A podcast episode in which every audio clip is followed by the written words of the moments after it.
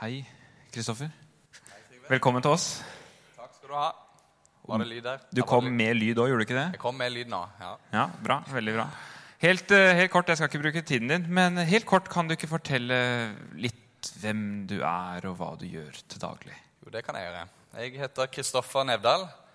Jeg er gift med Kristin og har en liten gutt eh, som heter Philip. De er ikke her i dag, men eh, Philip har vært litt dårlig, så de er hjemme. Men jeg er her nå. Jeg, da. Heldigvis. Ehm, jeg jobber til vanlig på Fjellhaug bibelskole og er lærer der. ja. Det kan vi juble for, ser det ut som. Det er bra. Det, det trenger du. Nei da. Det er bra. Trenger det nå. Veldig bra. Jeg skal ta, jeg skal ta be for deg før du, før du taler. Kjære Jesus, eh, takk for vi får være samla her. Takk fordi vi får lov til å høre evangeliet om deg. Vi ber Jesus om at du må åpne hjertene våre for det som er fra deg i dag, og må du gi Kristoffer det han trenger, Herre, for å forkynne ditt ord. Takk, Herre, for du har frelst oss. Hjelp oss å se det. Amen. Amen.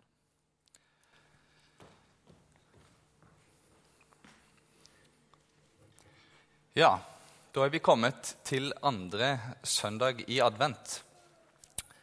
Og som vi kanskje husker, så eh, betyr advent ankomst. Adventstiden det er den tiden da vi på en spesiell måte minnes at Jesus kom til oss for omtrent 2000 år siden. Men så er adventstiden også en tid der vi minnes om, og der vi, der vi tenker på at Jesus skal komme igjen en dag.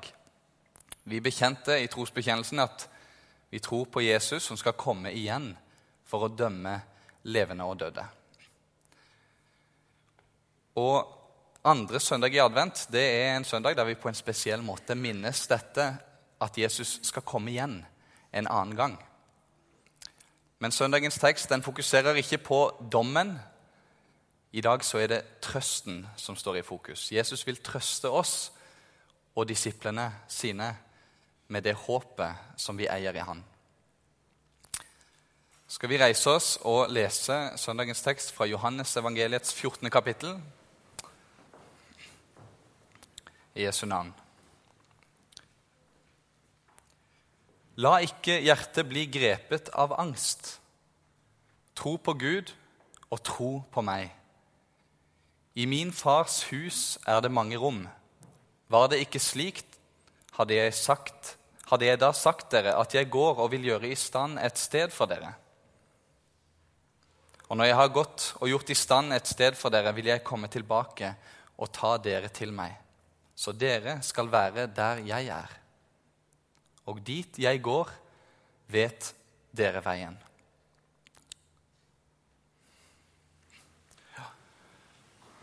Amen. Vi befinner oss altså i Johannes evangeliets 14. kapittel. Et kapittel som er en del av en større samtale, en lengre samtale mellom disiplene og Jesus. Denne samtalen, som vi ofte kaller Jesu avskjedstale, den strekker seg fra det 13. og til det 16. gjennom det 16. kapittelet. Og så tenker jeg Vi må raskt spole tilbake til det 13. kapittelet for å få med oss hva som er blitt sagt i denne samtalen, så vi kan forstå litt hva det er som foregår her. Vi er nå eh, Det hele foregår på skjærtorsdag kveld. Det er like før Jesus skal tas til fange det er like før han skal korsfestes. Jesus og disiplene feirer påskemåltidet sammen. Og Under dette måltidet så har Jesus nå sagt til disiplene sine at en av de skal forråde han. Det var Judas han siktet til, men alle disiplene ble usikre, og de spør han, det er vel ikke meg, det er vel ikke meg du sikter til. Disiplene ble forvirret og redde. Jesus snakker også om at han skal forlate dem, at han skal gå bort. Og de blir usikre. Hva er det som skal skje nå? Hva er det Jesus snakker om? Peter han sier til Jesus, 'Uansett hvor du går, så vil jeg følge deg.' 'Ja, om jeg så må dø for deg, så vil jeg gjøre det, Jesus.' Men Jesus han blir ikke noe spesielt begeistra for det Peter sier. Han svarer han og sier, 'Før han galer, så skal du fornekte meg tre ganger.' Peter var jo lederen for disippelflokken. Han var liksom den som sto fram og alltid var frimodig. Og nå sier Jesus, 'Peter skal svikte. Du skal svikte meg tre ganger.' Hva tror du de andre disiplene må ha tenkt? Hvis Peter skal svikte, hvordan skal det gå med meg? Og så var de grepet av frykt, uro, usikkerhet og håpløshet. Jesus skulle forlate dem, og de skulle svikte han. Midt i denne sammenhengen, i denne situasjonen, er det Jesus nå kommer med eh, disse ordene. Han sier, 'La ikke deres hjerte bli grepet av angst'. Tenk det, at Jesus, som visste hva som skulle møte han, han visste at han nå skulle bli tatt til fange av soldater, at han skulle tortureres, korsfestes. Ja, ikke bare det, han skulle møte Guds dom over alle våre synder. Han hadde grunn til å være redd, til å engste seg. Og det gjorde han også. Vi leser senere i Johannes evangeliet at han til og med svettet blod. Så stor var påkjenningene som lå på Jesus. Og Likevel så klarer Jesus å, å vende blikket bort fra seg sjøl og sin egen angst. Og så ser han på disiplene og sier, 'La ikke hjertet deres bli grepet av angst.' Han er opptatt av de, han er opptatt av å trøste sine disipler. Tenk for en kjærlighet han viser. Han som hadde trengt mer enn noen annen å bli trøsta, han trøster sine. Og så sier han til dem at de skal tro på Gud og tro på meg. Det er som om han sier til dem dere er redde fordi dere er usikre. Dere tror dere skal dere vet at dere skal svikte meg. Dere er redde for å bli etterlatt alene. Dere har mistet troen på dere sjøl. Dere vet ikke engang om dere er sjøl til å stole på. Men midt i denne usikkerheten tro på meg, tro på Gud. Gud er til å stole på. Jeg er til å stole på. Slutt å se på dere sjøl og på deres egen svakhet og troløshet. Vend blikket mot meg og mot Gud. Disiplene de kunne jo ikke finne noe trøst i seg sjøl i den situasjonen de var oppe i. De måtte få vende blikket bort fra seg sjøl og opp på Jesus. Og så var det for sånne troløse mennesker Jesus kom. Det var sånne mennesker han ville frelse. Så skriver Paulus i 2. Timoteus brev, kapittel 2, vers 13.: Er vi troløse, så forblir han trofast, for han kan ikke fornekte seg selv.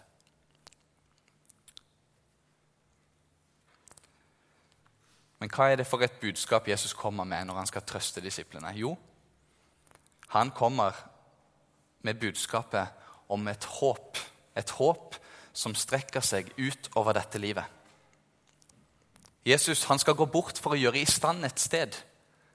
Et sted der disiplene skal få leve sammen med Jesus. Det er det evige livet med Gud som beskrives.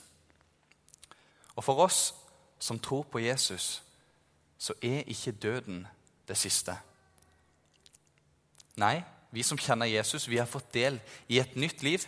Et liv som strekker seg inn i evigheten.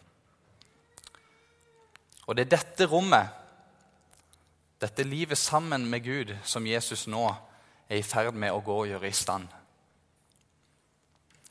Etter jødisk skikk så var det vanlig at et par som var forlovet, de, de giftet seg ikke før brudgommen hadde bygget ferdig sitt hus som de skulle flytte inn i. Så, så det kan jo være at eh, ja, vi kan få assosiasjoner til denne skikken når vi hører at Jesus skal gå bort og gjøre i stand et sted, og så skal han komme og hente oss igjen. Det er brudgommen som kommer og henter sin brud hjem til seg. Og Likevel så tenker jeg at vi, vi kan ikke trekke alle paralleller mellom denne skikken og det Jesus her sier. For det er ikke sånn at Jesus nå må gå til et annet sted for, for liksom å bygge opp et hus som ikke er ferdig, eller bygge et sted som ikke er ferdig. Han trengte ikke å forlate dem for å gjøre det. Det han snakker om her, er noe mye, mye viktigere. Når han sier at han skal gå bort, så snakker han om sin vei gjennom døden. Sin vei til korset. Hans død og oppstandelse er det han snakker om. Det er ved å dø og stå opp for oss at Jesus kan skape dette rommet hos Gud for oss. For Bibelen den lærer oss det. At da Jesus døde på korset, så var det din og min straff han tok. I utgangspunktet så fortjente alle vi Guds rettferdige dom og straff over våre synder, over våre ufullkomne liv. Men så var det en som var villig til å ta den straffen i ditt sted, i vårt sted. Og når Jesus ropte 'Min Gud, min Gud, hvorfor har du forlatt meg?' så var det for at Gud aldri skulle måtte forlate deg og meg. For at vi skulle få være sammen med Gud i evighet. Så må vi spørre oss hvorfor gjør egentlig Gud dette? Hvorfor ville Gud gjøre noe sånt? Hvorfor var Jesus villig til å gå korsets vei? Hvorfor ville han møte døden for oss? Og Vi har egentlig ikke noe veldig godt svar på det utenom det at Gud sier han er uendelig glad i deg og meg. Og at han av en eller annen ubegripelig grunn har lyst til å dele evigheten sammen med oss. Og så får vi i, dagens tekst øynene opp for Guds ufortjente, Guds uendelige kjærlighet, som også er så overraskende. Jesus han har nettopp forutsagt for disiplene sine at de kommer til å fornekte ham. Ja, en av dem kommer til og med til å forråde han. Men det var akkurat sånne ufullkomne mennesker Jesus kom for å frelse. Og mens de fornektet han, så gikk han døden i møte og sto opp for de, bar deres synder opp på korset. Og så får jeg se at dette gjelder også meg. Det var ikke fordi jeg var noe spesielt from eller prektig at Jesus ville komme. At han ville dø for meg. Nei. Nei, det, det, det kan jeg på ingen måte forstå. Nei, han gjorde det, sier han, fordi han elsket meg av en eller annen ubegripelig grunn. Det samme mønsteret finner vi gjennom Det gamle testamentet. Gang på gang så kaller Gud ufullkomne mennesker. Han velger å frelse mennesker på tross av ulydighet og synd. Og når profetene forkynner Guds frelsesbudskap, så er det aldri fordi folket har oppført seg pent, eller fordi de har fortjent det. Nei, det er fordi Gud elsker dem på tross av det de er, og på tross av det de har gjort. Sånn er det også med oss. Gud frelser oss på tross av det vi har vært, og på tross av det vi har gjort. Hvorfor det? Jo, fordi han er så uendelig glad i deg og meg. Og Nå skal vi snart feire jul. Vi går julen i møte. Vi feirer at en frelser ble født. Jesus ble født for oss. Og Så kan vi spørre, stille det samme spørsmålet. Hvorfor ville han komme i det hele tatt? Hvorfor kom Jesus til oss? Var det fordi det var en sånn varm velkomst for han da han kom? Nei. Vi kan lese at det står skrevet at, at han kom til sine egne, men hans egne tok ikke imot han. Og Når vi nå i jul skal lese juleevangeliet, så ser vi òg at det var ikke rom for han i herberget. Det er denne Jesus som det ikke var rom for hos oss, som nå står foran disiplene sine og sier, 'I min fars hus er det mange rom'. Han som vi ikke hadde rom for, han kom for å skape et rom for oss hos Gud. Det er dette Bibelen kaller nåde. Nåde det er noe Det betyr gave i utgangspunktet. Det er noe helt ufortjent, noe helt gratis. Noe som vi ikke har gjort oss fortjent til. Gud er av en eller annen grunn, en eller annen ubegripelig grunn, glad i deg og meg. Og så vil han dele evigheten sammen med oss. Og så er det Gud som har tatt initiativet til å frelse oss. Det var ikke din eller min innsats. Det var ikke disiplenes trofasthet som drev Jesus til korset. Nei, det var hans trofasthet. For om vi er troløse, så forblir han trofast. Og denne overraskende kjærligheten var det Brorson, Hans Adolf Brorson, en dansk salmedikter, prøvde å beskrive når han skrev sin julesalme, som vi skal synge nå etterpå. Han, han vender seg på en måte mot Jesus, og så sier han, 'Velkommen fra din himmelsal til denne verdens tåredal', hvor man deg intet annet bød enn stall og krybbe, kors og død. Men Jesus, hvordan går det til at dog så få betenke vil den store, store kjærlighet som drev deg til vår jammerned? Det er ubegripelig, men det er det julens budskap handler om. Den store, store kjærlighet som drev Jesus ned til oss. Og Så kan vi bruke adventstiden og julehøytiden til å fordype oss i dette og til å igjen ta imot Guds kjærlighet til oss. Og Så skal vi merke oss enda en ting i teksten. Jesus han snakker om sin fars hus. At han går bort for å gjøre i stand et sted for dem. Men når Jesus andre steder snakker om sitt fars hus, så er det som regel tempelet han snakker om.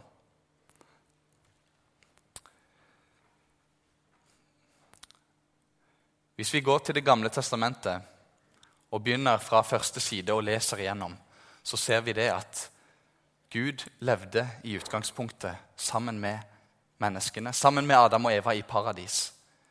Men menneskene gjorde opprør mot Gud. De ville være herrer i sitt eget liv. Og så ble de drevet ut av paradis, og veien til Gud ble stengt. Men Gud han hadde ikke gitt opp.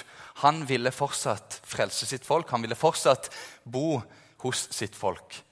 Og så ser vi at han gjennom tabernakelet og senere også i tempelet på en spesiell måte ville være til stede hos sitt folk. I tempelet var det også at folkets synder ble sonet, sånn at Gud kunne ha en relasjon til folket. Og så er det spennende å lese i Johannes evangeliets første kapittel. Når Johannes skal beskrive Jesu ankomst, så sier han at ordet, det er Jesus. Ordet ble kjød. Ordet ble menneske. Og tok bolig iblant oss, står det. Bokstavelig talt så kunne vi oversatt dette ordet og ta bolig iblant oss med at han, at han teltet iblant oss. Han slo opp sitt tabernakel iblant oss. Han slo opp sitt telt for å bo hos oss. Som Gud hadde slått opp sitt telt, som, som han bodde hos israelsfolket i ørkenen, i tabernakelet, og som han også bodde i tempelet. Sånn er Gud nå kommet til oss i Jesus Gud, Der Jesus er, der er også Gud å finne. Også i det andre kapittelet i Johannes evangeliet så kan vi lese at Jesus snakker til en gruppe jøder. og Så sier han at de skal bryte ned Guds tempel. Men han skal bygge det opp igjen på tre dager. De syns jo dette er helt latterlig det tempelet som, som sto der, Herodes sitt tempel, det hadde vært bygd på i 40 år. Hvordan kunne han bygge det opp igjen på tre dager? Men de skjønte ikke det, skriver Johannes, at han snakket om sin egen kropp, sitt eget legeme. At han skulle dø og stå opp igjen den tredje dag. Tempelet og tabernakelet i Det gamle testamentet det var det stedet der Gud var til stede. Det var også det stedet der folkets synder ble sonet. Og nå er Jesus kommet for å erstatte tempelet. Han er det nye tabernakel, det nye Guds tempel. Det er dette hebreerbrevets forfatter ønsker å formidle når han i sitt niende kapittel skriver. For Kristus gikk ikke inn i en helligdom som er gjort av menneskehånd, og bare er et bilde av den sanne helligdommen. Han gikk inn i selve himmelen, og nå trer han frem for Guds ansikt for vår skyld. Han gikk heller ikke inn dit for å bære fram seg selv som offer flere ganger, slik øverstepresten år etter år trer inn i helligdommen med blod som ikke er hans eget. I så fall måtte han ha lidd mange ganger helt fra verdens grunnvoll ble lagt. Men nå har han åpenbart seg en gang for alle ved tidens ende for å ta bort synden ved sitt offer. Slik alle mennesker må dø én gang og siden komme for dommen, slik er også Kristus ofret én gang for å bære synden for de mange. Og siden skal han for annen gang komme til syne, ikke for syndens skyld, men for å frelse dem som venter på ham. Og så leser vi det at når Jesus hang på korset, så revnet tempelets forheng ovenifra og ned. Den veien som var stengt til Gud pga. våre synder, den åpnet Jesus opp igjen da han sonet vår synd på korset. Ja, gjennom sin død og oppstandelse så åpner Jesus denne veien. Og han åpner ikke bare veien, men han er selve veien. Og Derfor kan Jesus også si til oss i dagens tekst at, at dit han går de, de, Vi kjenner den veien. Dere kjenner veien dit. Thomas blir usikker og spør han.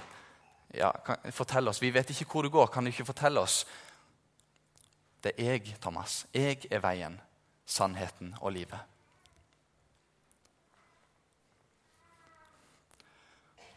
Og så ble Jesus sin vei her på jorden, den gikk fra en krybbe i en stall og til korset.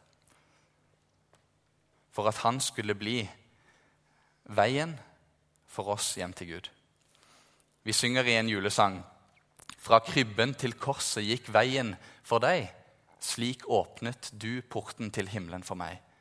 Velsign oss, vær med oss, gi lys på vår vei, så alle kan samles i himmelen hos deg. Og så er det dette håpet som Jesus har lyst til å forkynne for oss i dag. At vi eier et håp som strekker seg utover døden. Vi eier et håp som strekker seg inn i evigheten. Et håp om et liv sammen med Gud på den nye himmel og den nye jord, der det ikke lenger skal være smerte, der det ikke lenger skal være tårer. Og så er ikke dette et håp som vi bare skal få lov å ha når vi ligger i sykesengen eller på dødsleiet. Det er et håp som vi har her og nå, i livet. For, for det evige liv det begynner ikke når vi dør. Det begynner her og nå. Jesus er flyttet inn i ditt hjerte, og du har fått del i det evige liv. Og så, når Jesus kommer igjen annen gang, så skal han komme for å hente oss til seg han som har skapt oss, frelst oss. Han som elsker oss mer enn vi kan fatte. Han kommer for å ta oss til seg, for at vi skal være sammen med han. Dette håpet kan vi ta med oss inn i juletiden og trøste oss og hverandre med det. Skal vi be sammen?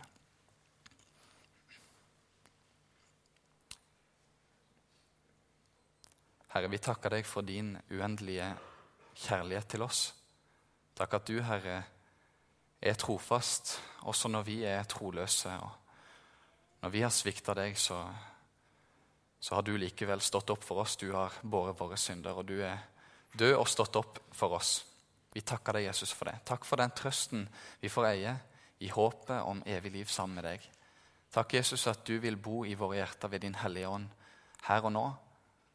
At vi får allerede nå få del i det evige liv. Jesus, jeg ber at vi kan få ta dette til oss. Du ser hvem vi er, du ser eh, hva vi går og tenker på, hver enkelt av oss. må du komme med trøst til oss som trenger det, og trøste oss med dette budskapet. Et budskap som bærer både i liv og død. Så ber jeg Herre at vi får vende blikket mot deg nå i adventstiden. At vi får lov til å se den kjærligheten som du viste oss da du kom til oss, Herre. I Jesu navn. Amen.